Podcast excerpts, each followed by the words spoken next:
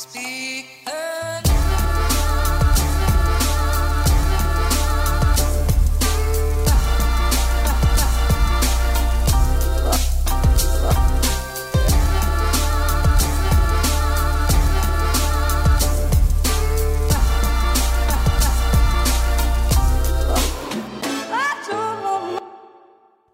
Og der var vi i gang igjen. Hei, og velkommen hit til Klagemuren. Det er onsdag 30. mars, og jeg beklager eh, som, som alltid. Det er bare hver jævla sending starter med en 'sorry, folkens, herregud'. Uh, men, uh, men ja, uh, forrige uke, det var altså faen meg et sirkus. Uh, det gikk eh, i, det gikk slag i slag. Det gikk stå opp, fær på jobb, fær på annen jobb, og hjem og rett i seng. Sånn var hele uka. Og jeg er Altså, kroppen min Ja, jeg skulle, jeg skulle si det er bare å donere, men hvem i faen ville tatt imot det her? Den kroppen jeg sitter igjen med. Jeg tror til og med Altså, jeg tror Stephen Hawking, hvis de hadde sagt til han bare Du eh, vi har funnet en løsning eh, på det åpenbare problemet ditt, eh, men det avhenger av at du må bruke Kevin sin kropp. Og da tror jeg han ville ha sagt via Windows eh, XP, eller hvordan enn versjon han var. no, thank you. I'm good where I am. Og så bare har han gått videre, eller trilla videre med livet sitt. Og det var forrige uke besto jo da selvfølgelig av arbeid på min, eh, eh, min faste arbeidsplass nå, eh, som er jo i Bodø kommune. eh, eiendoms- og utbyggingsseksjon. eh, og på Sølvsuper eh, helsesenter. Jeg vet ikke. Jeg, jeg har lært meg for lite om eh, Jeg har lært meg egentlig litt for lite om hierarkiet, så jeg vet liksom jeg vet liksom ikke hvem så mange er, men det vil jo komme etter hvert. Uh, og så har jeg lært meg veldig lite om uh, sånn her strukturen i selve uh, det, det, altså det kommunale, alle de etatene, og hvem er det jeg burde kontakte, hvem er det jeg er under, og bla, bla. For jeg er typen som bare Jeg kan bare gå på jobb, og så finne ut sju år etterpå at å, dæven, å ja, jeg har dreia jeg har dreia deler til raketter for Kongsberg-gruppen. Ja, da har jeg jo det lille barnesykehuset på samvittigheten. Men Nei, så, og det er jo ikke det jeg jobber med. Jeg jobber jo med å ta vare på et uh, gamlehjem. Bygget. Bygge. Ikke de gamle. De Jeg skulle si holde meg unna de, men det, det, det blir løgn. Jeg prater med de, jeg har sittet med ned med flere og liksom uh, hørt hva de har å si. Og, um, og det, det er jo fordi at det er så jævlig mange historier der. Det er så jævlig mange år med erfaring og kunnskap og, og meninger og politikk og Hva, hva har de jobba som? For eksempel, det er sånne ting som jeg lurer fælt på. Hva du har, hva du har bedrevet den tida du har levd? Hva har du gjort? Hva har vært ditt, eh, ditt geskjeft, hvis det er rett, blir det rett måte å bruke Jeg vet faen. Men i hvert fall. Så ja. Så jeg har vært der på jobb, og har vi gjort så mye tungt arbeid? Ja, vi har jo, det har jo vært flytting av avdelinger og litt sånn der forskjellig. Jeg, også så driver jeg på og tipptoer rundt den her uh, taushetsplikten. Og uh, jeg skjønner jo, misforstå meg rett, jeg skjønner hvorfor vi har taushetsplikt, og gud bedre, jeg er glad vi har taushetsplikt. Eh, at den eksisterer. Jeg skulle bare ønske jeg, jeg skulle bare ønske jeg, Kevin, var fritatt for taushetsplikten. For da hadde jeg faen meg hatt noen historier å dele med dere. Og det, hadde vært, det hadde vært så jævlig kos. Um, og jeg hadde jo kommet til å uh, Jeg hadde jo kommet til å fortalt uh, Ja, jeg hadde jo fortalt noen triste historier, men jeg hadde også kommet til å fortelle de artige. Det er jo, de, det er jo der fokuset mitt ville ha ligget. Men nå skal ikke jeg, nå skal ikke jeg sette fyr på det, den bra tingen, som er å ha en plass å, å bruke tida mi, uh, i stedet for å egentlig bare sitte hjemme og se i veggen. Så Um, så vi jobba der. Og så har jeg vært hos han, eh, hos han Robert og hun Marita, som er et vennepar av meg og Julianne. Robert har dere sikkert sett av og til hvis dere følger med på Snap. Det er han der enorme genmodifiserte sånn muskelbunt som jeg henger med av og til. Han er, han er en veldig god kompis av meg, og, og uh, veldig svær. han, er, han, er, bare Han er bare Han er bare svær. Og, det, og han kler det, og han rocker det. Og så trener han veldig lite, eller ingenting. Så Som for tida, sånn som jeg har forstått det på han. Men han har jo masse sånn proteinpulver og kreatin og ZMA og rapid burn og uh, L-glutamin og Ja, hva nå enn folk trør i seg for å bli uh, i en fay, sier jeg sier. Det er det treningsstudioet mitt skal hete når jeg, når jeg og Dan starter opp da. Uh, i en fay. Uh, og så kan man jo kjøre masse ordspill der, men la oss nå, la oss nå holde oss for gode til det.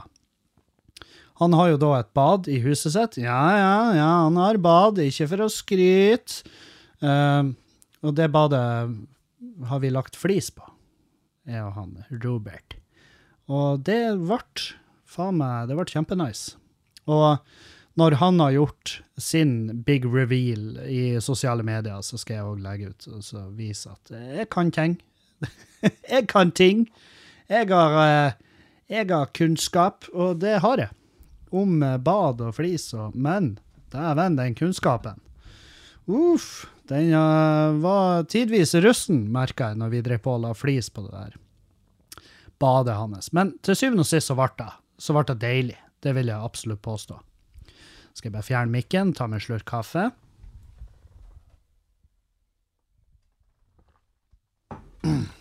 OK. Uh, så det og dit for jeg liksom bare rett etter jobb på Sølvsuper. Sant? Så det var bare bort dit, skift til andre arbeidsklær, og så kjøre på med flislegging og uh, alt det arbeidet det innebærer, som er ganske mye arbeid. Og spesielt når, når uh, kan du si, det gulvet du skal legge flis på, det ikke er uh, helt tipp topp sånn, sånn standsmessig som et underlag for å legge flis på. Og det er klart, Jeg er ferdig på arbeid klokka tre, egentlig, men jeg har jobba litt over denne uka, forrige uka. Og jobba litt over, og så får jeg rett på det ettermiddagsarbeidet og får servert middag der, og så rett i arbeid der, og så hjem. Og så er det å legge seg i nitida, ikke sant?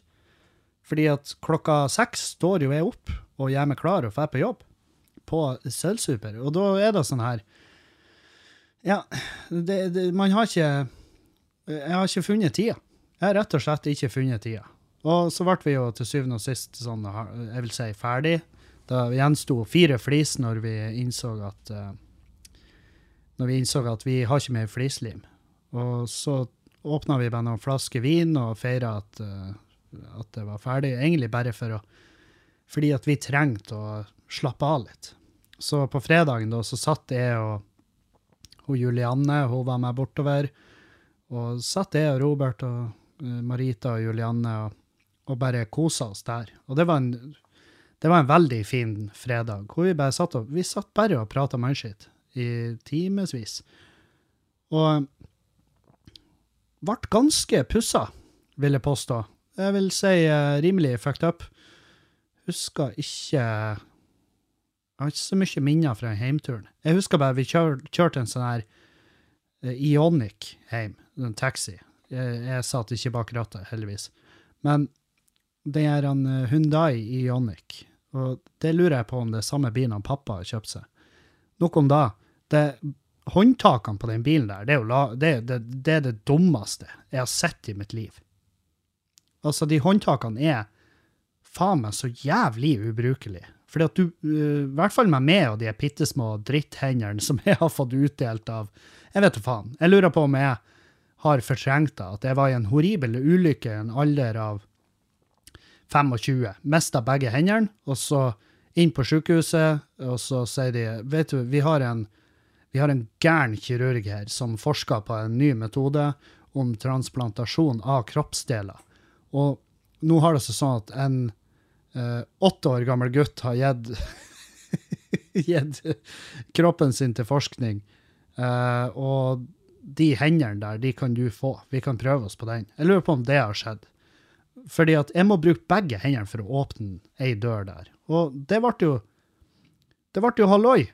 Fordi at jeg har jo på meg ryggsekk, eller på med ryggsekk. Har jeg hatt den på meg, så hadde det ikke vært stress.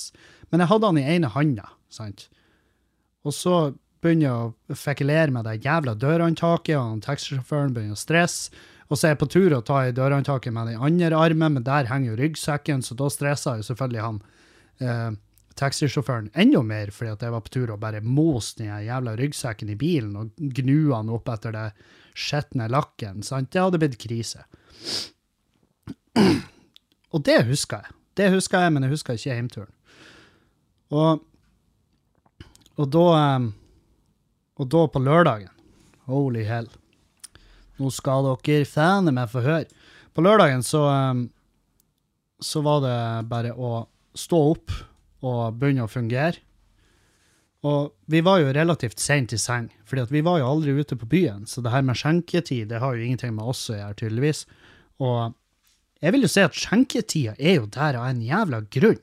Det er jo en grunn til at skjenketid finnes. Det at kollektivt så har folk fått nok å drikke klokka tre om natta. Men når vi er hos andre, så kan vi finne på å sitte og, uh, og holde gående lenge, lenge. Sant? Og vi var vel hjemme i ca. rundt stengetid på byen, men uh, Og da var det jo kveldsmat, og så var det en liten drink her hjemme, ikke sant? Så plutselig er klokka fem og seks om morgenen, og da er det i seng.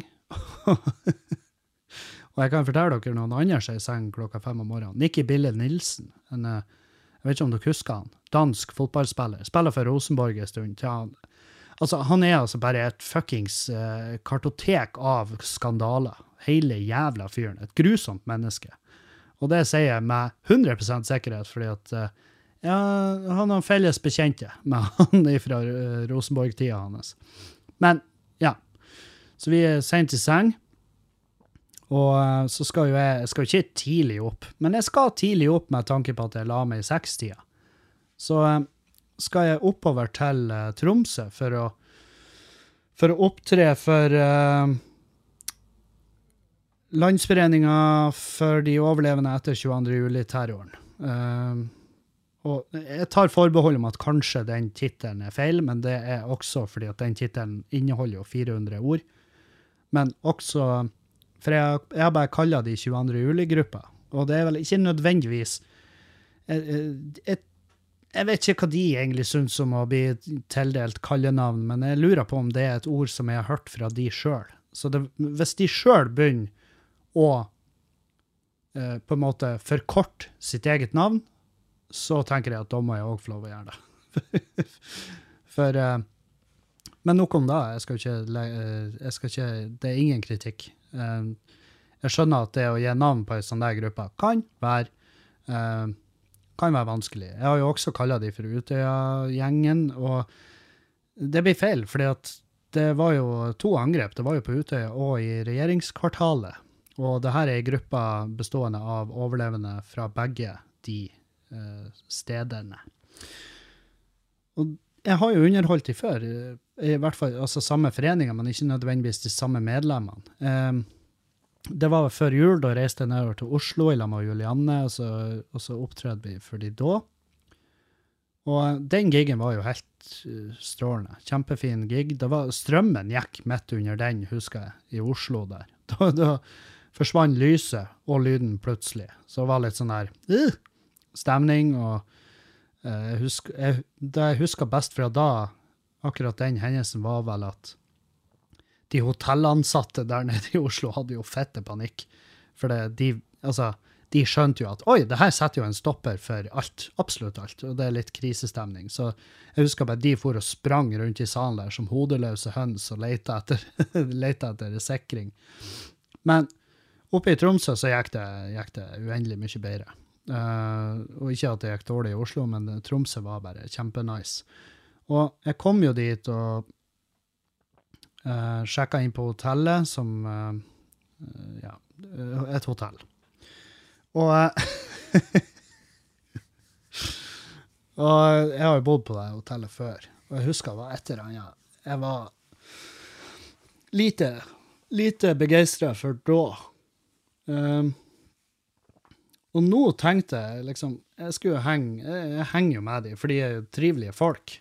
De er kule folk. Helvete, det er mange Og det er så sinnssykt mange historier. Uh, og de historiene er jo selvfølgelig mange av de er jo bekmørke. Eh, det er jo også forferdelig å høre hvor jævlig eh, kommunene har droppa ballen i oppfølginga av, eh, av de overlevende etter, etter 22. juli-terroren. Og også hvor, hvor, midlene har forsvunnet. Fordi at det var flere av de som kunne fortelle meg at kommunen deres fikk, fikk tildelt et visst antall kroner per altså sånn, Jeg vet ikke om de jeg vet ikke om de, Det ble vel avgjort på hvor mange i kommunen som var eh, innblanda i det her, og hvor mange som på en måte trenger oppfølging.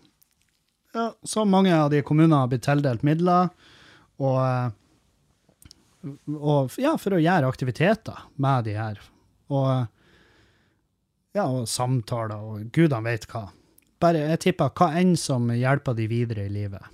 Og eh, veldig få av de kan egentlig sette fingeren på at de har sett noe uh, form for, for aktiviteter eller oppfølging eller turer, eller uansett faen de kunne ha tenkt seg å være med på. Uh, to karer som fortalte meg at i en helgelandskommune så ble det, så det henta inn to, to, pensjonerte sykepleiere som, som satte seg ned med de og, og bare så på de og det han sa da, de, de satt bare og så på oss. og så sier de ja, dere har jo opplevd noe trasig. Og de bare ja, det har vi. Og så ja, da blir det Grandiosa og litt brus. Og ja, så der Grunnen grunn til at jeg sier det, er for, fordi at uh, jeg syns det er ganske forkastelig hvor, uh, hvordan man glemmer av de som uh, Og det her er jo altså En ting er jo hvordan man behandler veteraner og det, som har vært i utenlandsoppdrag og sett eh, horrible ting. Og så er den oppfølginga der så jævlig snever og mangelfull. Mens så har du her et gjeng som på ingen måte har vært soldater, men de havna midt i en fuckings krigssone og fortsatt ikke får den oppfølginga som de kanskje hadde krav på, eller burde hatt krav på. Og det syns jeg det gikk litt inn på meg. Men men det som også tar meg med storm der, det er hvor jævlig For et, for et jævlig hyggelig, inkluderende og bra gjeng det her er. Og, og artig gjeng. Altså, flere av de har jo ikke bare mørke historier fra, fra, fra, det de har opplevd, men også mange av de har unektelig fette, artige historier. Som, og det bunner jo nok ned i hvordan man hvor rart hodet blir når du er i en krisesituasjon. Og jeg vil jo si at når, når noen skyter etter det, så er det en krisesituasjon. Og uh, flere av de kunne fortelle ganske, ganske artige reaksjoner de har hatt, ting de har sagt til uh, sidemann eller sidekvinnen uh, i denne situasjonen, som for oss som aldri har opplevd noe lignende, altså det, det virker så jævla absurd, hele greia. Og um, og eh, det har eh, også mange av de mørke historiene kjent at jeg tok med meg hjem denne gangen. Og, uh, ja, og slette litt med, med å sove, rett og slett, etter den turen. Uh, I tillegg så drikker de faen meg Altså, de drikker jo De drikker på um, De drikker sånn som jeg ville vært, hvis jeg hadde vært en av de, for å si det sånn. Altså, de, eh, de kan faen meg fest. Og det var eh, Det var en uh, dritbra kveld. Uh, jeg, var, jeg satt i lag med de og spiste middag og, uh, og prata skit. Og jeg reagerte på den middagen. Helvete, altså. Satan, da. Ja, det var faen meg det Det absolutte minimum for å holde et menneske i gang.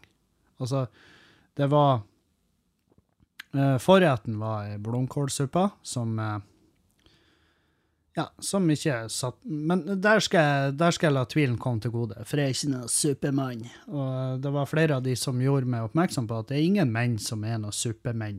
Menn liker som regel ikke suppe, for det og så sa jeg fordi det ikke er mat, og så fikk jeg latter fra mannfolkene. Så det, vi, vi bevisste vel eh, den stereotypen. Men til hovedretter så var det Altså, faen. Så var det ett uh, marinert kyllinglår oppå en seng av, uh, av fire skiver fra ei gulrot og fire mølkokte poteter. Og så en, en og så rykte, og da sier jeg virkelig, og så rykte om en saus. jeg, jeg, så ingen saus, og det var vel ingen av de andre som fikk øye på noe saus heller. Men eh, Og når jeg satt og spiste den her, den her uh,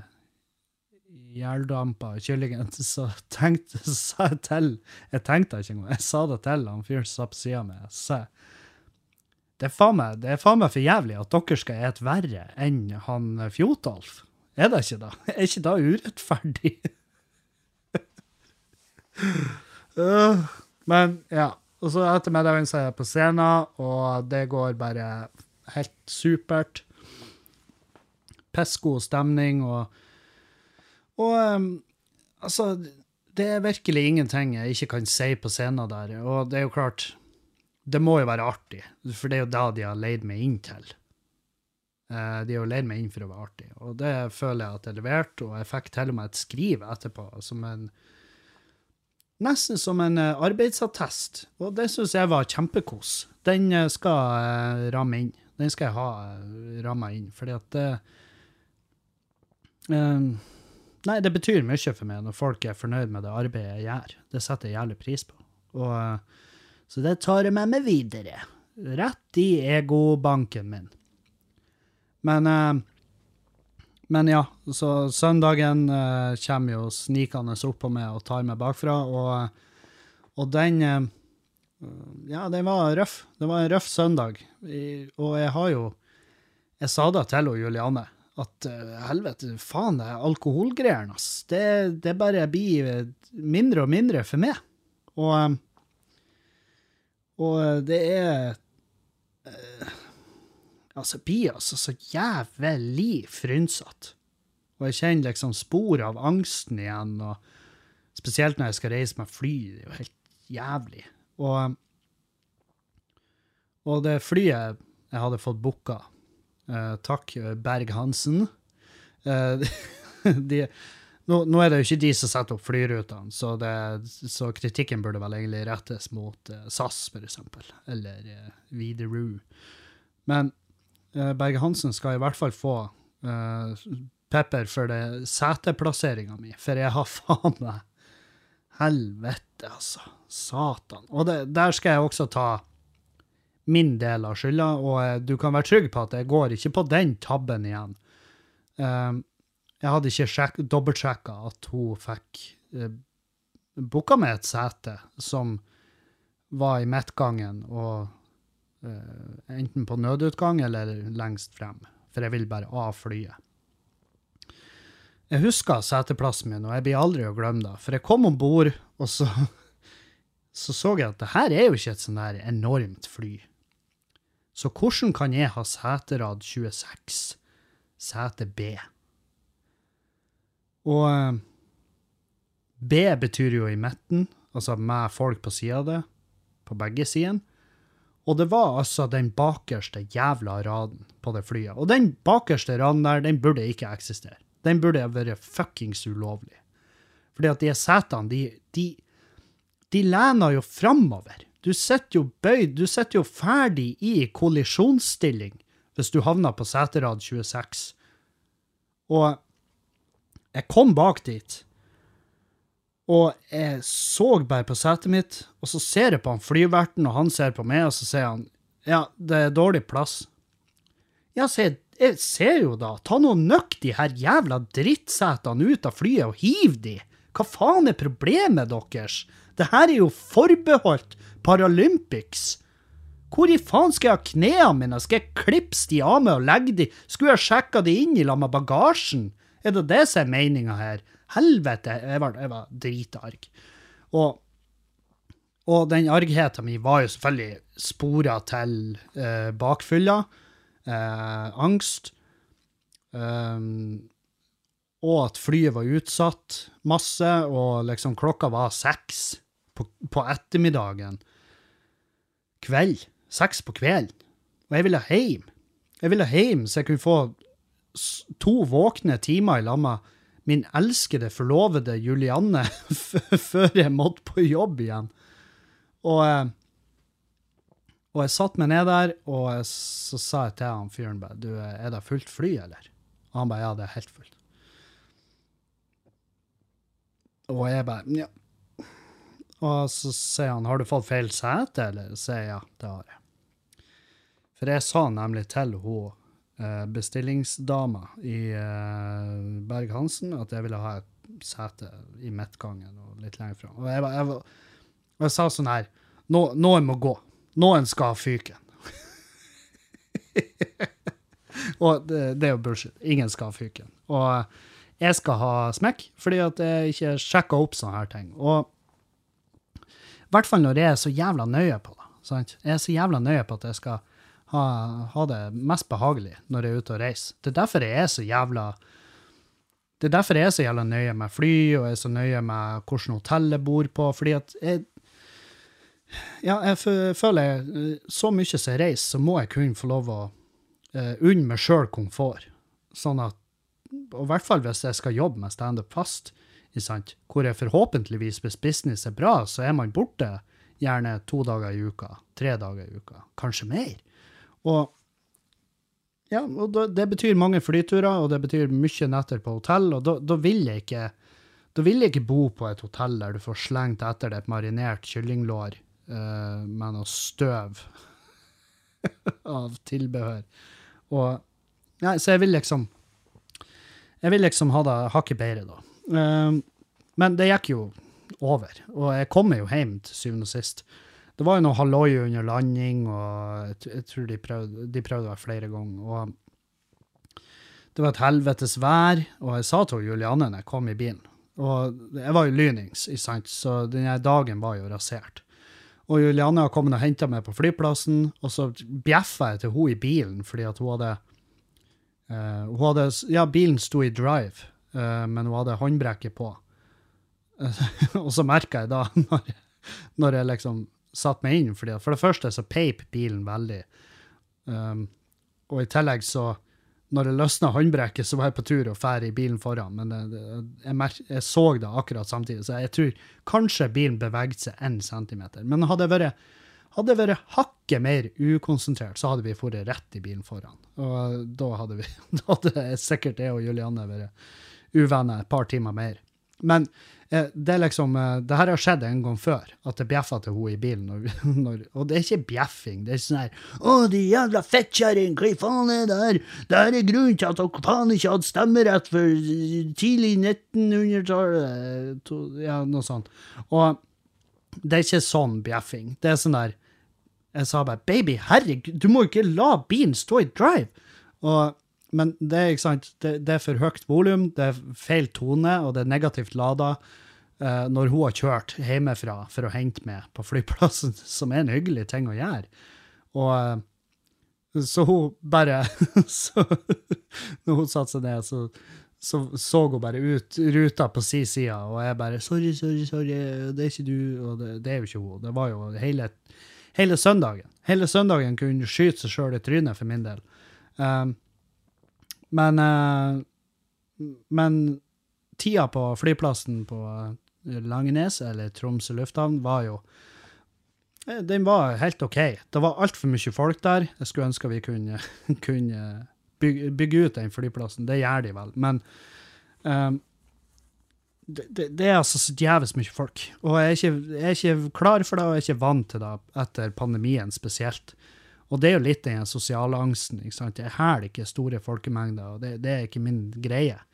Og ja, jeg vet det er ironisk at jeg står på scenen og gjør standup for flest mulig folk per gang, men det er noe annet. For det er ikke en eh, På en måte, da er det, det er noe annet. fordi at ja, alle følger meg med, og alle sitter og stirrer på meg og hører etter hva jeg har å si, men, men det er ikke noe dialog der. og i, mens på en flyplass, når du drar og trør i lag med ja, jeg vet faen, 500 andre mennesker samtidig, så er du bare en av eh, fucking hvem som helst, og alle går borti det og dulter i det, og det verste er hæler ikke at folk er borti meg uh, når jeg ikke vet hvem de er, og ikke har bedt om det sjøl, eller gått aggressivt inn for at de skulle være borti meg. Så Nei, så det, jeg satt bare inn på O'Larris, som hadde sin eneste åpen dag i året. Ja, gratulerer O'Larris, Troms lufthavn, godt jobba. De hadde til og med åpna hele avdelinga. Ja, det var råflotte greier. Du aner ikke Østerrike, Ringerike, Romerike. Det var god stemning der.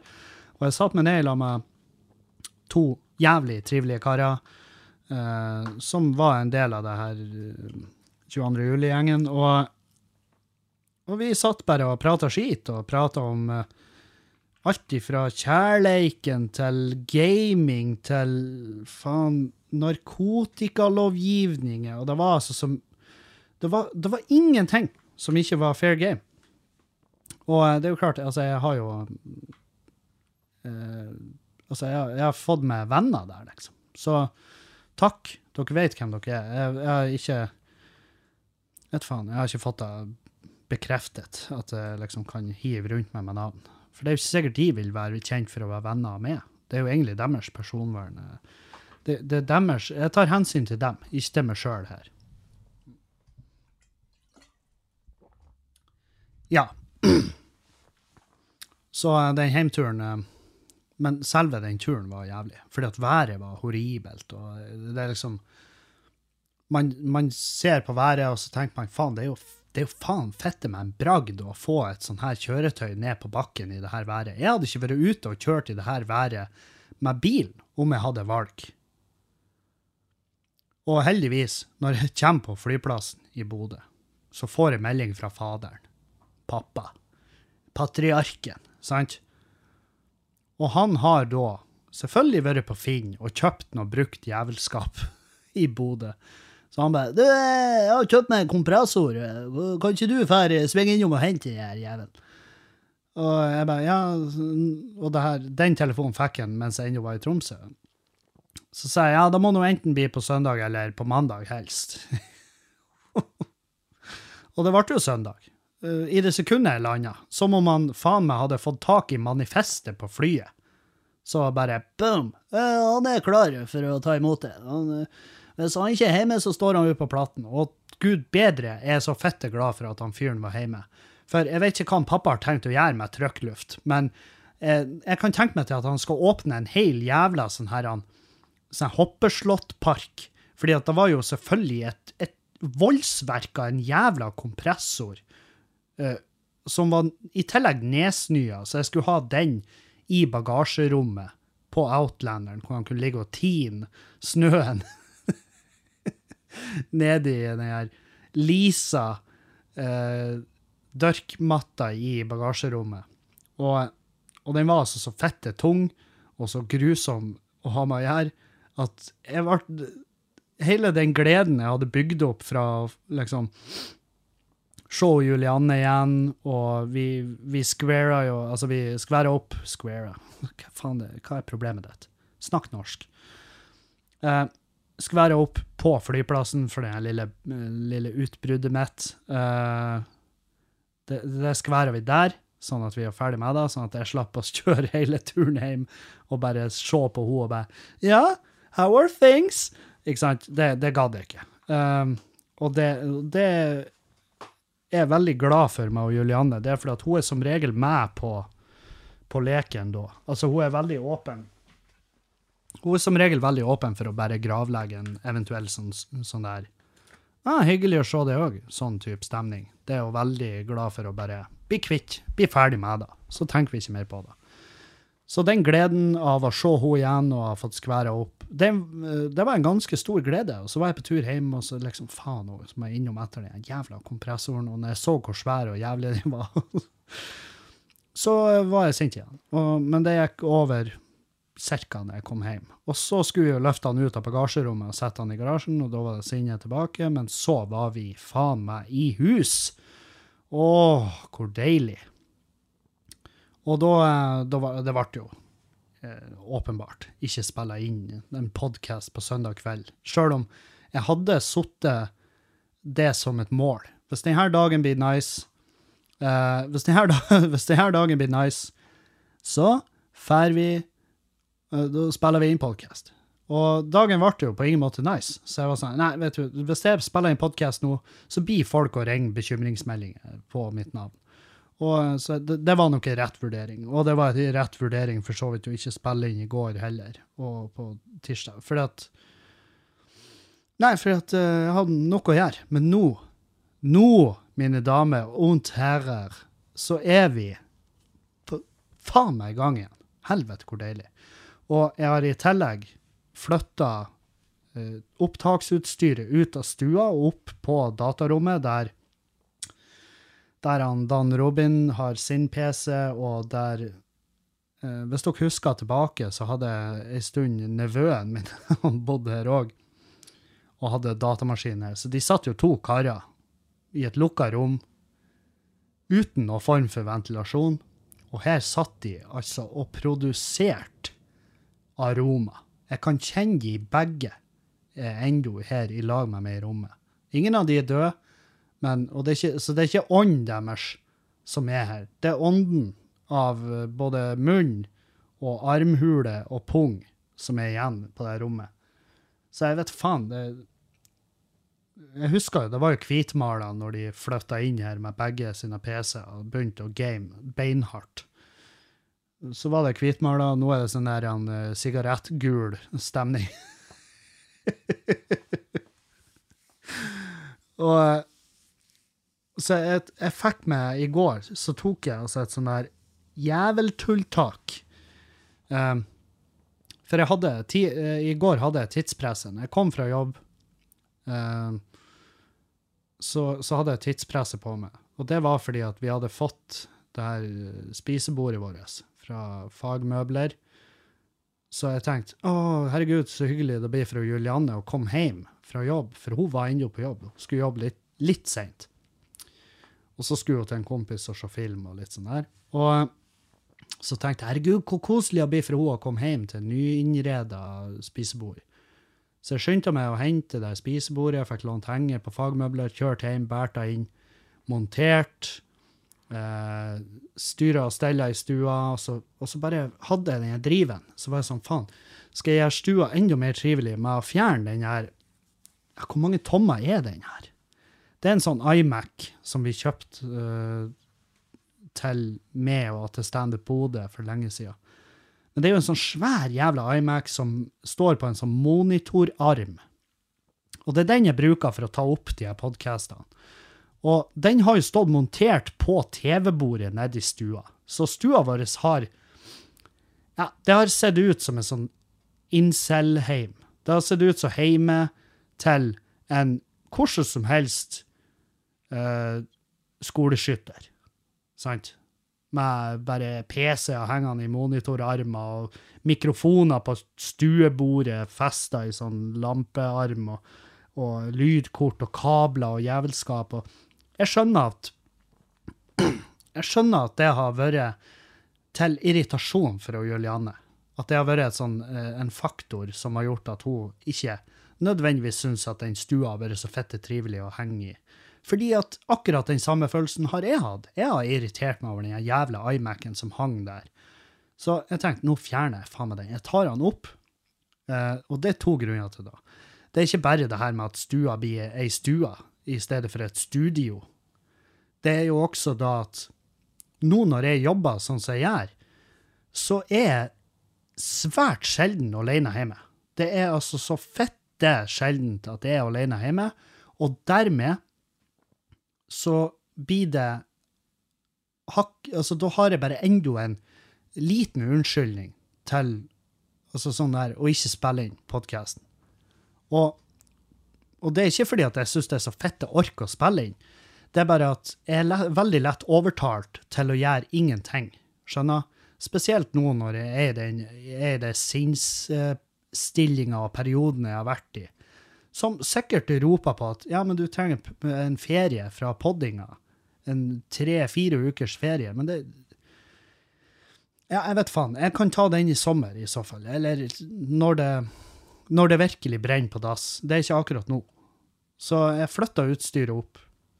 Så nå har jeg et slags studio gående her. Men det blir også ei eh, det blir også ei stund til at det blir gaming på meg her inne. Og det er fordi at jeg har ikke lenger en gaming-PC. Den eh, Ja, broderen eh, Broderen fikk den, og det er han som har Han som har battle med unger, sant? De, og de guttene hans, de, de er jo godt og vel i den alderen at de setter veldig pris på å spille data, i stedet for å egentlig ta del i noe som helst ellers. Eh, deres, eh, deres glede ligger gjerne bak piksler av noe slag. Og det Jeg vet faen om det går an å unngå. Ja, selvfølgelig, hvis du oppdrar ungene dine som Captain Fantastic, eh, så, så, vil de, så vil de gjerne vokse opp til å ikke ha noe særlig interesse for datamaskiner og, og TV-skjermer. Men eh, det er klart, du, det, ingenting er uten utfordringer, og jeg tipper barnevernet hadde vel grepet inn hvis noen prøvde seg på den type barneoppdragelse her i Norge, i hvert fall. Men ja, det var faen meg et røddan her inne. Eh, Blant annet en sånn her sovesofa som sto. Og den sov jeg husker jo den sovesofaen. Den kjøpte vi når vi bodde i, i Nordsteinveien, den leiligheten som Julianne hadde når jeg møtte henne. Det var en leilighet hun hadde overtatt etter mora si, som hun leide. Og eh, der flytta jo jeg inn hos Julianne. Og det var jo det mest naturlige, i og med at hun nekta å flytte inn i det kollektivet jeg bodde i. Som jeg er veldig fornøyd med. At hun sto på sitt og bare Du, jeg har ikke tenkt å bo i lag med det. Og to musikere og en irakisk eh, badevakt, fordi at eh, det Det er ikke det livet jeg vil leve. Og jeg var sånn, ja ja, greit, hvis du er så jævla fin på det, så kan du vel bo i den svære leiligheten alene. Så, um, og da kjøpte vi en sovesofa, fordi at vi av og til hadde gjester. Og den sovesofaen er jo Det er en fra Jysk, kosta 1600 kroner. Den er imitert skinn, svart. Og den er ganske grusom å ligge i. Ikke, eller, det er ikke jævlig. Vi, den var jævlig når vi fikk den, men så var vi også og kjøpt sånn skumgummimadrass som vi kappa til i perfekt størrelse, sånn at, sånn at du kunne ha en madrass oppå den. Men allikevel, den er 180 cm lang, noe som vil si at hvis du er en Altså, hvis du er litt over gjennomsnittet høy dude, hvis du scorer bra på Tinder, så scorer du ikke bra i den senga. For da, da vil du, med mindre du ligger i, i rekemodus, så vil føttene dine henge utfor. Så det er en type Det, det er en perfekt Det er en perfekt sånn her eh, sovesofa å ha hvis du har for mye gjester. Skjønner? Hvis du er plaga med at du har en sju-åtte stykk som sender melding en gang i måneden og bare 'Du, jeg må få lov å ligge over eh, eh, nå, fordi at uh, Ja, jeg skal på jobb. Jeg reiser ut på jobb i morgen, så da er det jævla kjekt å bare komme og ligge hos dere. Uh, ikke sant? Som er trivelig første og andre gangen, men når du merker at 'Å ja, det her er faktisk en Det er faktisk en fast greie'. Han har han har rydda liksom ei plass i ei hylle i kjøleskapet, og plutselig så bor han der. ikke sant? Sånn der, eh, og det, Da er det ypperlig å ha en sånn sovesofa, fordi at eh, den er akkurat god nok til at du får sove, og du setter pris på å ha tak over hodet, men du gjør det opp en uh, mening etterpå at uh, jeg blir ikke å stresse med å ligge over hos de igjen, fordi at uh, jeg har andre venner som har skikkelig gjesterom. Så, men den sovesofaen ble jo med bortover hit. Når vi overtok det huset her, så tok vi den med oss bortover, men så kjøpte jo vi oss ei ordentlig seng, jeg og Julianne, det elskovsredet. Da kjøpte vi ei sånn eh, ambassadørstørrelse, tror jeg, hvis det er den største. Den, jeg vet faen hva den er. Fem ganger fem meter. Det, og så snurrer den. Um, og den senga er jeg dritfornøyd med, kjempeglad i. Uh, og da fikk vi jo ei seng til overs. Så satte vi den på gjesterommet, og så tok vi denne sovesofaen her og satte den inn på datarommet. Problemet er at jeg skal jeg skal legge ut et bilde. Jeg skulle ønske jeg tok et bilde av hvordan det så ut her før jeg begynte å rydde. Men jeg skal legge ut et bilde etterpå, og så Nei, det skal jeg ikke. Jeg skal ikke legge ut et, Hvis jeg legger ut et bilde av det rommet her, så, så tror jeg faktisk hun Juliane kan bli irritert. Og med god grunn. For det ser Uansett hva jeg gjør av rydding her inne, så vil ikke det her rommet se bra ut. Det her rommet er altså gyselig. Helt horribelt.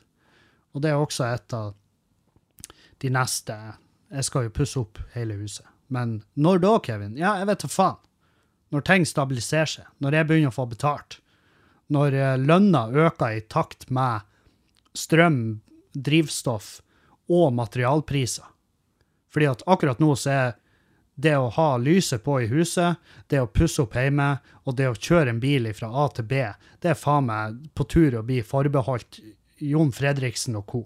Altså, de rikeste av de fuckings rike. Og jeg vet jo at det er bullshit. Jeg vet at det er bullshit. Jeg vet at så lenge du har over 790 000 i året, så har du råd å kjøre bil og ha lys på i huset.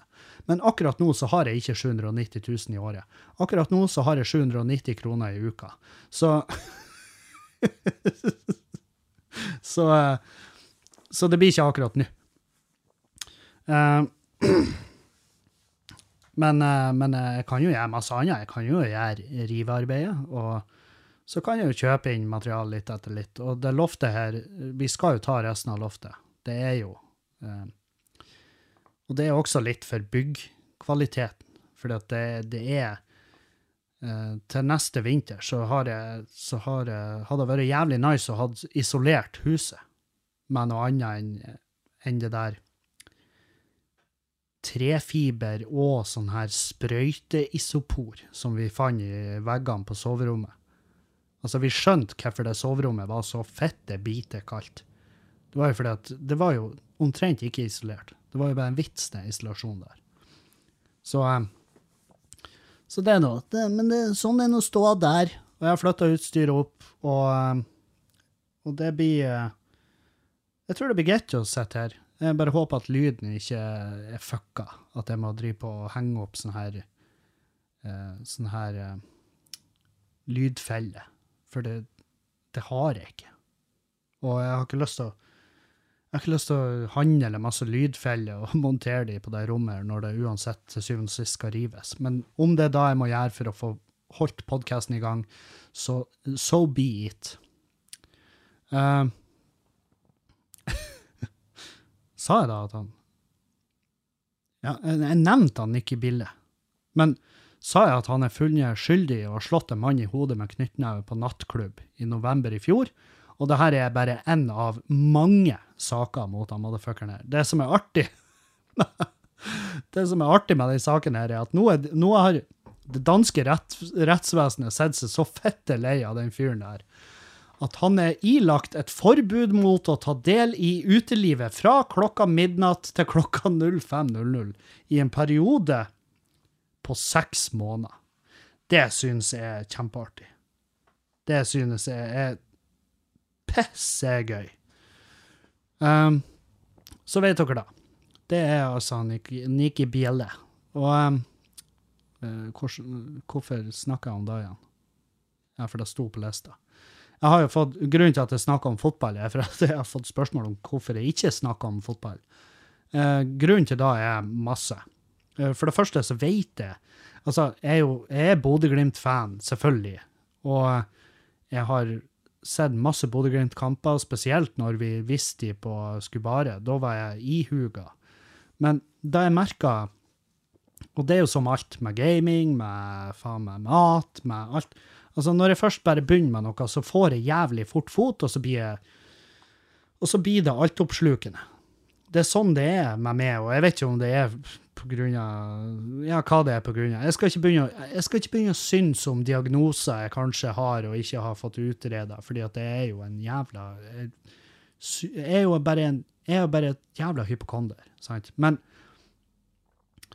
uh, det er liksom aldri Det er aldri uh, bare småting. Altså, det er aldri sånn at jeg kan gjøre ting halvhjerta. Så det at hvis det først går i gang, så er det faen meg 100 fokus på akkurat den tingen, og det er eh, Det blir jævlig fort altoppslukende. Og så har jeg plutselig ikke tid lenger til å gjøre de tingene jeg burde gjøre. Så Men ja, eh, unektelig, det Bodø-Glimt gjør, er det er historisk, sant? Det er langt forbi historisk. Og bare helt fuckings legendarisk. Og det Hva mer kan jeg si før jeg er på tynn is og snakker om ting jeg ikke har peiling på? Vel, jeg veit ikke. Det er veldig lite jeg kan si utover det som ikke blir eh, ren gjetning. Og så Og de siste gangene de har spilt kamp, så har jeg rett og slett ikke Jeg har ikke funnet Jeg har ikke hatt tida.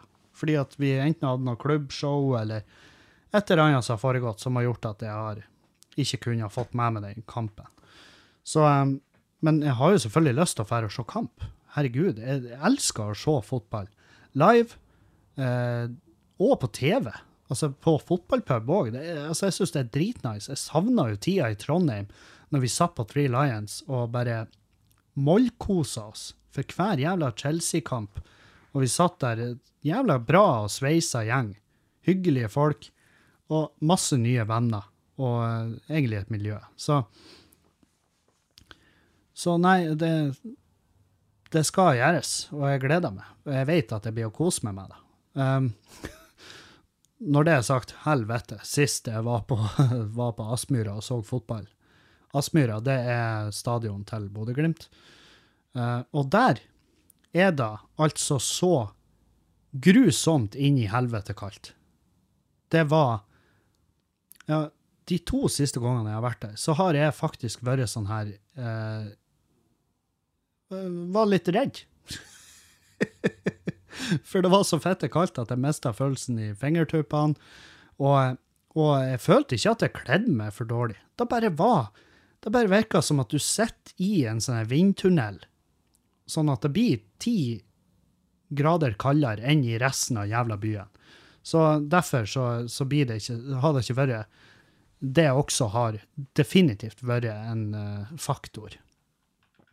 Men det har hendt seg at jeg har blåst i gang en stream og sett liksom, fotball hjemme her. Uh, og Julianne hun har heller ingen problemer med å se på, så det, så det er ikke da det står på. Det er bare rett og slett at vi har som regel prioritert andre ting som viktigere. Og det er vel da som skiller en skikkelig fotballfan fra noen som er fotball jeg vil, jeg vil, ikke engang gå så langt som å si at jeg er fotballinteressert. Jeg vil si at jeg er en fotball um, Ikke fotballnegativ. Det er vel det. Så, ja. En ting jeg ikke er så jævla negativ for, er p-piller for menn. Fordi at nå For det første, det er jo kjempeartig, men uh, ja, det kommer vi til på organisk vis. Men nå, eh, nå har de kommet fram til en p-pille for menn som er hormonfri. For det har vært problemet med p-piller for menn tidligere, at de hormonene som de har måttet være nødt til å bruke, har jo sørga for at Altså det de har beskrevet som uh,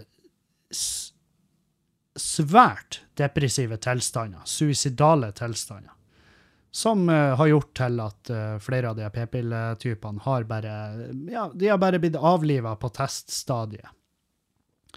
Men NRK la jo ut uh, De la jo ut at nå har de funnet en p-pille som er som, og det her er direkte quote. Pilla har vist seg å være 99% effektiv på mus.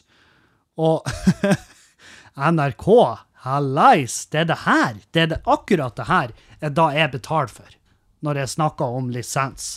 Jeg har null problemer med å betale NRK-lisensen, spesielt nå når den ikke lenger kommer i form av ei regning. Um, men altså, sånne her små morsomheter, mm, ja, det liker jeg. Det er jeg veldig fan av. Og det jeg gleder meg til, er jo at når de her p-pillene for menn er ute på markedet, da er det jævlig mange kameler som skal svøles. For dæven. Jeg har sjøl vært en av de som snakka ned jenters evne til å, ta, til å huske å ta en jævla pille dagen. Er det så mye? Er det så jævla problematisk? Hæ?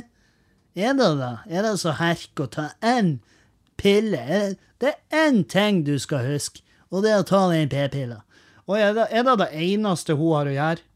Er det det eneste hun har å gjøre den dagen? Det er å ta den jævla p-pilla? Vel, nå er straks bordet snudd, mine herrer.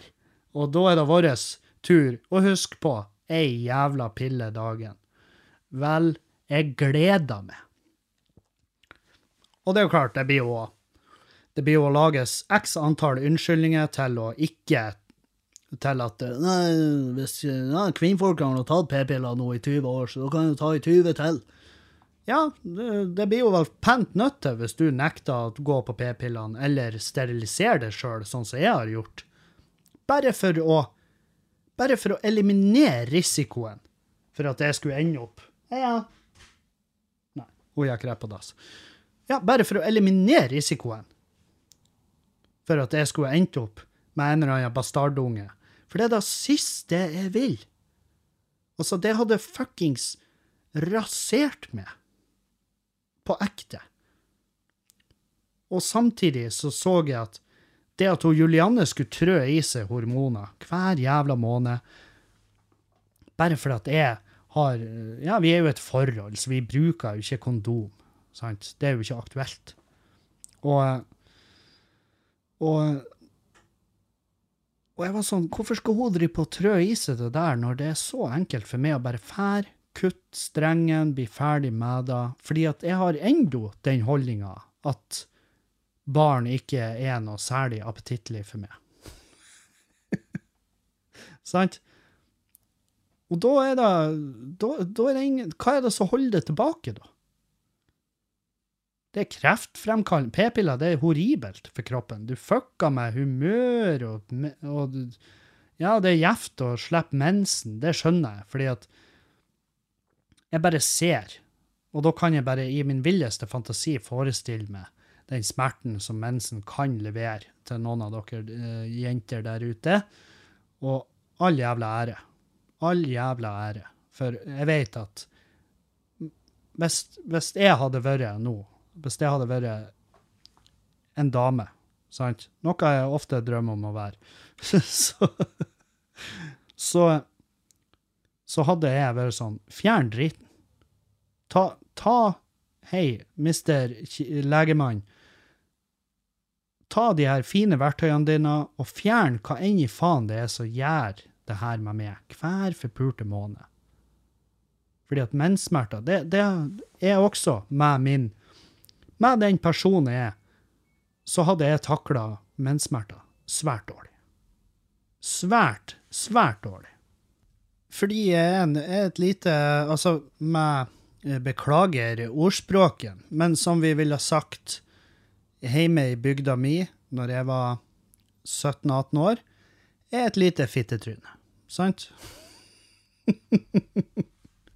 så, så det er ikke noe det er ikke noe tvil.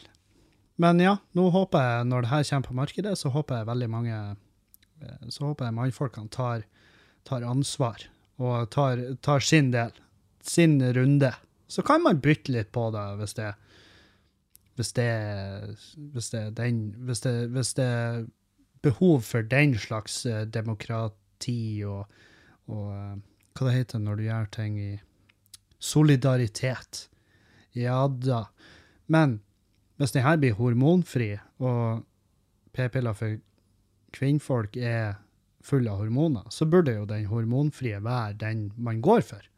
Og det er 99% effektiv på mus. Å, jeg er så jævla lett å underholde av og til. Uh, helvete. Jeg, jeg har uh, som dere sikkert vet, så har jo jeg veldig kort hår. Jeg har jo ingen hår. Men det, det er litt løgn, for der er jo noen hårstrå oppå der.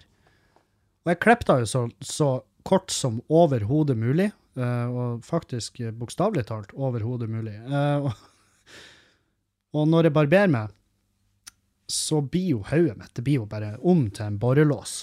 Og så er jeg jo nettopp begynt i Bodø kommune, så vi ser at jeg har jo veldig ferske, fine, nye arbeidsklær.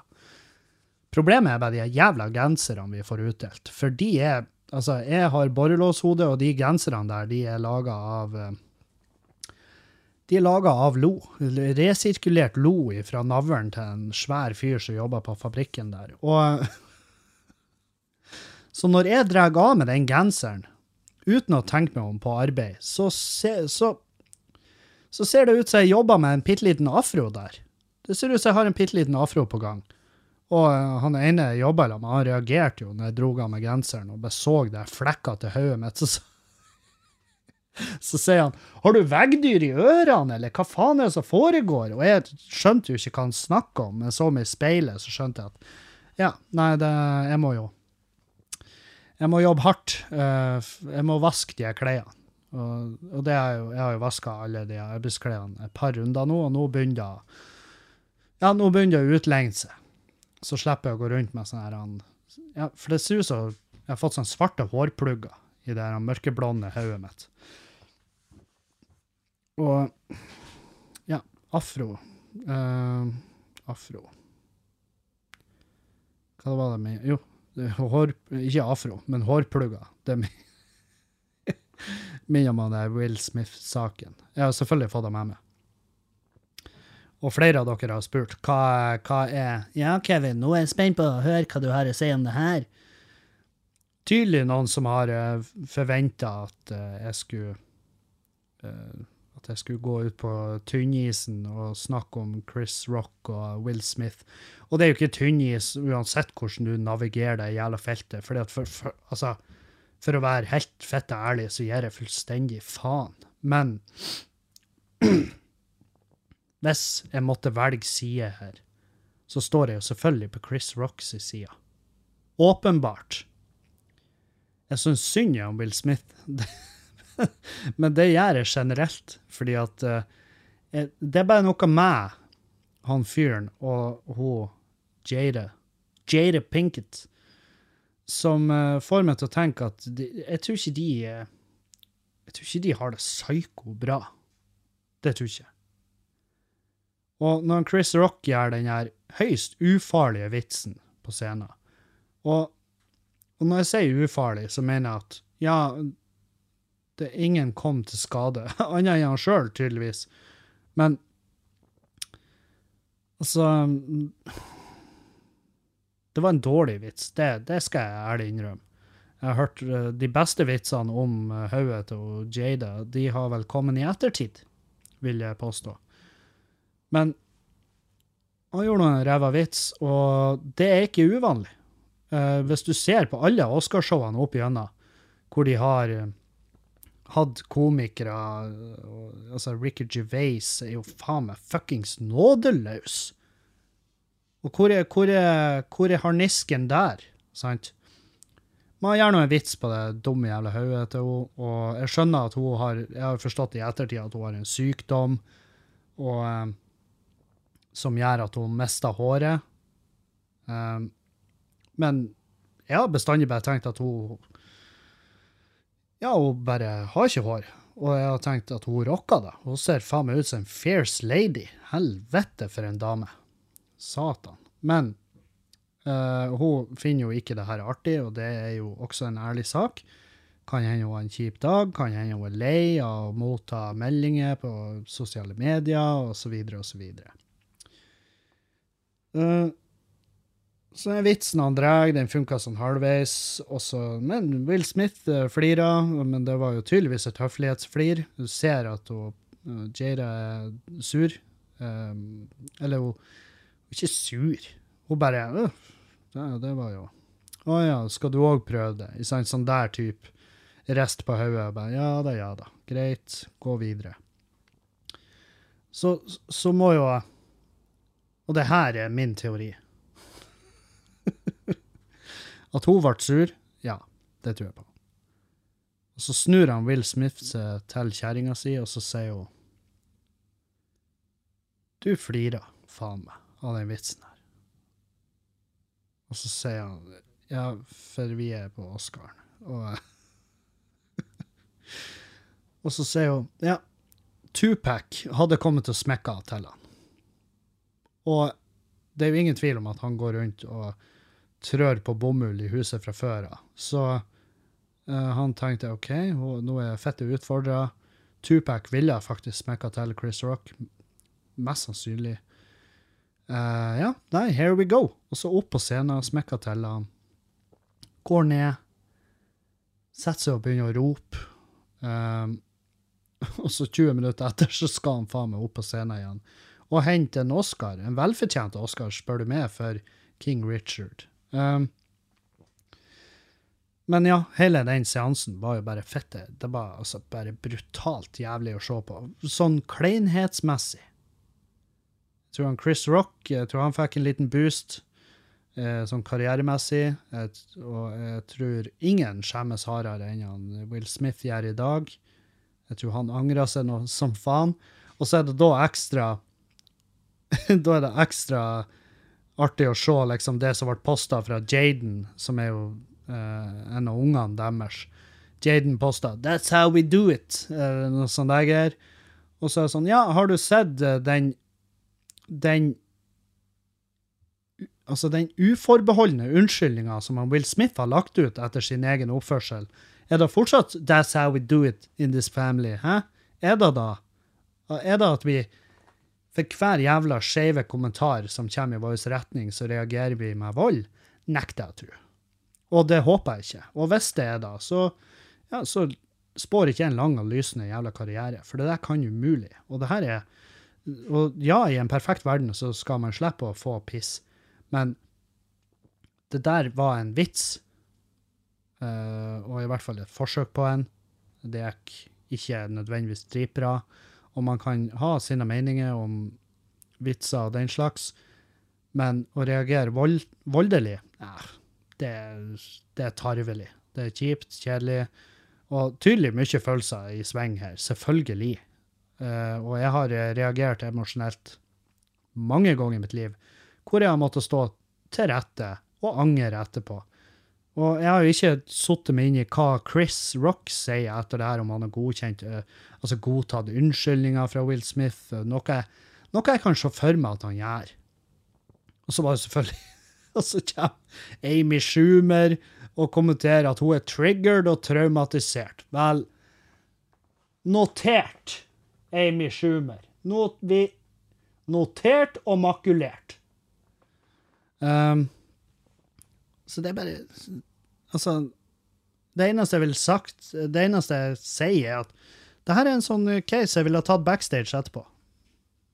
Jeg har blitt konfrontert.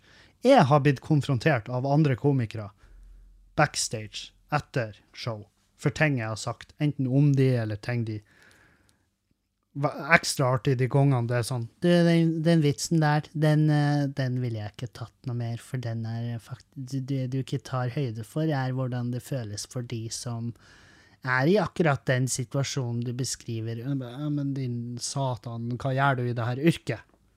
Hæ? Og Will Smith har jo vært en eh, komiker sjøl, og er jo da tidvis. Han er jo en tidvis funny dude, så Men han har unnskyldt seg, og er Kevin Kildahl fra Halsheim Meløy, nå bosatt i Bodø, teljer Will Smith. Ja, notert, Kevin. Ingen bryr seg. Ingen bryr seg i det hele tatt. Uh, det jeg bryr meg om, det er at de aldri har snusen min på Coop-en. Helvete, hvor fett det er irriterende. Altså Jeg tror faktisk, og det her, det her er bare vill gjetning, men jeg tror Julianne gruer seg til hver gang jeg skal fære på Coop-en vår. Fordi at da står jeg i fare for å prøve for å skal handle snus. Og nå sist jeg var der borte, så hadde jeg henta en masse greier som vi mangla til middag. Så det var en sånn kjapp tur. Så bort, inn med kurven, hiv alle varene opp i kurven, bort til den jævla datamaskinen deres i kassen, trykk, inn, fritt for snus. Min snus. Altså, kun min spesifikke snus er det fritt for. og og det her er, det er ikke bare én gang. Det her er, altså, det her er, jeg vil si oftere enn ikke. Sant? Jeg vil si at, fordi at jeg kan huske de gangene de har hatt snusen min på Coop-en, og da har jeg reagert med glede. Altså, jeg har reagert sånn, oi, de har, se baby, de har snusen min her, sant? Sånn har jeg reagert. Så jævla sjeldent er den snusen på Coop-en min. Og jeg bare Altså, jeg, jeg, holdt, jeg koka over i kassen der eh, med den PC-en. Og jeg bare faen heller, altså. Og så setter jeg fra meg kurven. og, der, og det ene ansatte som jeg har prata med flere ganger om den jævla snusen, han bare «Eh, hva, 'Er noe galt?' Og så, ser jeg bare på han og sier 'Du vet jævlig godt hva det er'. Og så bare går jeg, og så drar jeg på Rema og handler de samme varene pluss fem bokser. Sånn sinnekjøp, hvor jeg kjøper fem bokser av den snusen. Sant? Og um, og jeg har jo hatt en diskusjon med de. Jeg bare, kan dere, dere er altså faen meg kronisk utsolgt for min snus. Er det, en, er det en lidelse? Hva er problemet her? Hvorfor kan dere ikke bare ha den på lager? Og så er liksom tilbakemeldinga ja, den der snusen den blir ganske fort utsolgt. Ja, men hvis du driver en butikk da, min gode herre Hvis du blir fort utsolgt for en vare hver gang du får den inn på lager, så ville jeg ha tenkt, veit du, jeg skal faen meg ta inn litt ekstra av den. Sånn at vi slipper denne situasjonen, hvor folk står og hoier og styrer og gjør i kassen om hvor er varene. Supply and demand, heter det. Det er sånn man driver Det er sånn du får en butikk til å thrive, til å vokse ut i, de, i alle himmelretninger, når man har en vare på fuckings lager. Og ekstra av den varen, når den går mye ut av. Jeg ser for meg at en butikk Altså, de skulle Ja, det går jo en del kjøttdeig, så eh, vi har bestilt fem pakker til neste uke. Å ja. Fem pakker bare? Men det blir vel ikke hold? Nei, det blir aldri hold. Det holder seg, altså, fra vi får han i hylla, maks en time. Ja, jeg vil si det, maks en time. Ja, hva med resten av folket som har lyst på den kjøttdeigen, da? Ja, men det sånn det er da, vet du. Det er sånn det er da. Av og til så er det fritt for varer. Ja, men når av og til blir til som regel, sant? Er ikke da litt dumt at ikke de får kjøpt seg den kjøttdeigen? Ja, men det gjør vi for at de som får da kjøttdeig, de kan føle seg ekstra heldige, for du er én av fem. Det- Jeg bare får det. Jeg får det faen ikke til å stemme. Og det er jo Det er jo en, egentlig en fillesak, men det er bare så fett irriterende som å gå ut derifra, sette seg i bilen, kjøre på en ekstra butikk, fordi at der har de snusen. Det, det, det er liksom da jeg syns er litt sånn spesig. Og for dere som lurer hvordan snus er snusa, så er det Epoch 16. Sunrise Amber Intense. Vel, skal vi høre om noen som jobber i en butikk? Skal vi se om vi får tak i henne. Julianne! Hei, baby. Du, jeg har et spørsmål. Du som jobber i butikk og sånn, sant? Ja. Eh, jeg snuser jo Epoch 16. Mm. Sunrise Amber Intense. Ja. Er det, her, er, den, er det en sånn snus som er vanskelig å få tak i? Må dere gå over fjorder og fjell og rive de ut av den kalde, frosne handa til ei død barnemor for å få tak i en boks av den her? Eller, eller bestiller du den i lag med alle andre snustyper i hele verden, og så får du den inn på lager? Siste. Sistnevnte. OK, Ja. ja. Jeg bare lurer. For det, er liksom Jeg snakker om at det er en nærbutikk Du vet hvor, hva jeg Ja, snakker om? ja. I know. Er det, er det, jeg hadde en annen teori om at eh, at, eh, at, du, at du får litt sånn klump i halsen når jeg går inn på Coop-en for, for om de har snusen min, fordi at det er jo, det er jo du som må høre på meg når Ja. Ja, Ja. ja rett ut, ja. ja. Og så kan man jo spørre, hvorfor får du ikke bare kjerringa di til å fast ta med seg fra den butikken hun jobber i? Altså at jeg oppretter et snusabonnement hos det. Nei, det Hvorfor ikke? Ja, vil du det? Ja, gjerne. Det er jo en idé jeg kom på akkurat nå, fordi at det er jo han gründer-Kevin. Skal- Må jeg liksom stå for din, eh, din snus, eh, Ja. Ja. ja, det syns jeg er rett og rimelig. Ja. Da gjør det, ja. Ja. Ta du og Gå ned og sett deg på det der spisebordet vårt i Eik og tenk over saken. Ja, hva du lager til middag? Spagetti Ja. Spagetti? Det er vel ikke spagetti, det er ikke tagliatelle. Ja, jeg vet ikke hvordan du sier det på italiensk. Men jeg sier det jo på den urnorske måten. Tagliatelle. Ja, det blir noe tagliatelle og kjøttdeig i dag. guri, jeg gleder meg faktisk. Men ja. Og eh, altså, Coop-en min, hvis dere hører på, jeg, er kjempeglad i dere. Dere er så hyggelige, og det er en, en trivelig, fin butikk. Og jeg skulle, jeg skulle bare ønske at, at jeg kunne handle alt jeg trenger til heimet mitt der. Men det er så artig. Jeg blir så, jeg blir så fett irritert over sånne småting. Og eh, jeg, ja, for eksempel i forrige uke, så og det, her er jo ikke en småting, men det er jo altså, eller Jo, det er en småting, i det store bildet, i hvert fall. Jeg, jeg hadde vært på kjøkkenet, ordna med noe fette, bra mat, og så husker jeg jeg var bare i bokseren og T-skjorta, for jeg hadde liksom nettopp kommet hjem etter å ha og jobba hos Robert med flislegging av badet, og så, så hadde jeg bare revet av meg klærne, så jeg sto i T-skjorta og bokser og så hadde jeg ordna med mat på kjøkkenet, og så kom jeg bare så kom jeg bare sånn her halvdansende bare Og vrikka på ræva. og Ut i stua med Pepsi i ene handa, og i andre handa hadde jeg et fat med deilig mat. Jeg husker ikke hva selve måltidet var, men jeg lurer på om det kan ha vært noe sånn lasagneaktig. Og så der jeg sitter, så jeg, sitter jo i sofaen med føttene på en puff. En svær helvetes puff. Og på den puffen har jeg jo ei pute, og så har jeg et lite ullpledd. Og det ullpleddet det hadde sneket seg ned på gulvet, så det lå litt utover gulvet. Og når jeg kommer da harrydansende inn der med maten og Pepsien i handa, så trør jeg med ene foten på det ullpleddet der. Og det ullpleddet har jo ingen form for friksjon mot gulvet.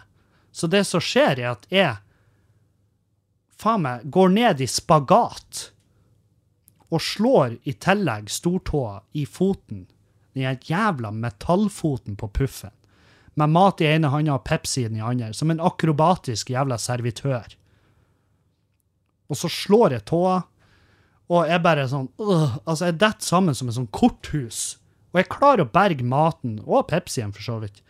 Men jeg ligger bare på gulvet, og jeg har altså Jeg har ikke ord for å beskrive det som Altså, den smerten og det horribiliteten som gikk gjennom hodet mitt. Å, herregud! Å, du vet hvordan det er for de som trør på landmine. Ja, altså sånn der type. Det er det ondeste jeg har kjent i mitt liv.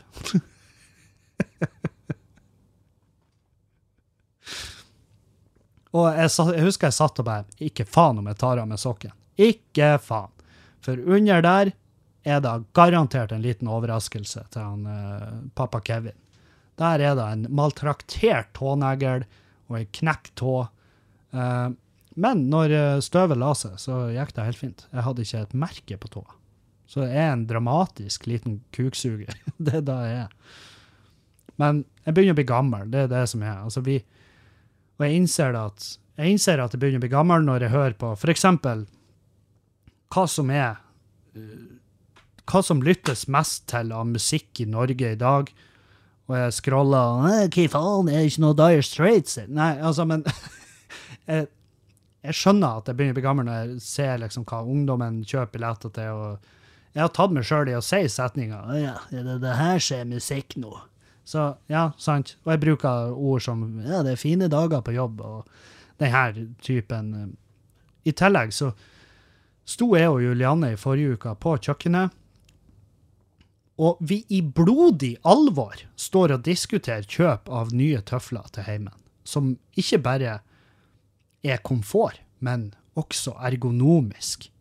Sant? Da skjønner du at, at når de her eh, når de her eh, Tova-tøflene som jeg har fått på eh, Sunnkost, når de ikke lenger gjør susen, når de ikke lenger gjør, susen boil, da Og jeg må liksom inn på nettet og Ja, skal vi se eh, om vi har noen eh, noen tøfler her som ikke lager lyd i gulvet eller merker i gulvet, men samtidig har oppbygning for noen som har mellomhøg pronering på føttene.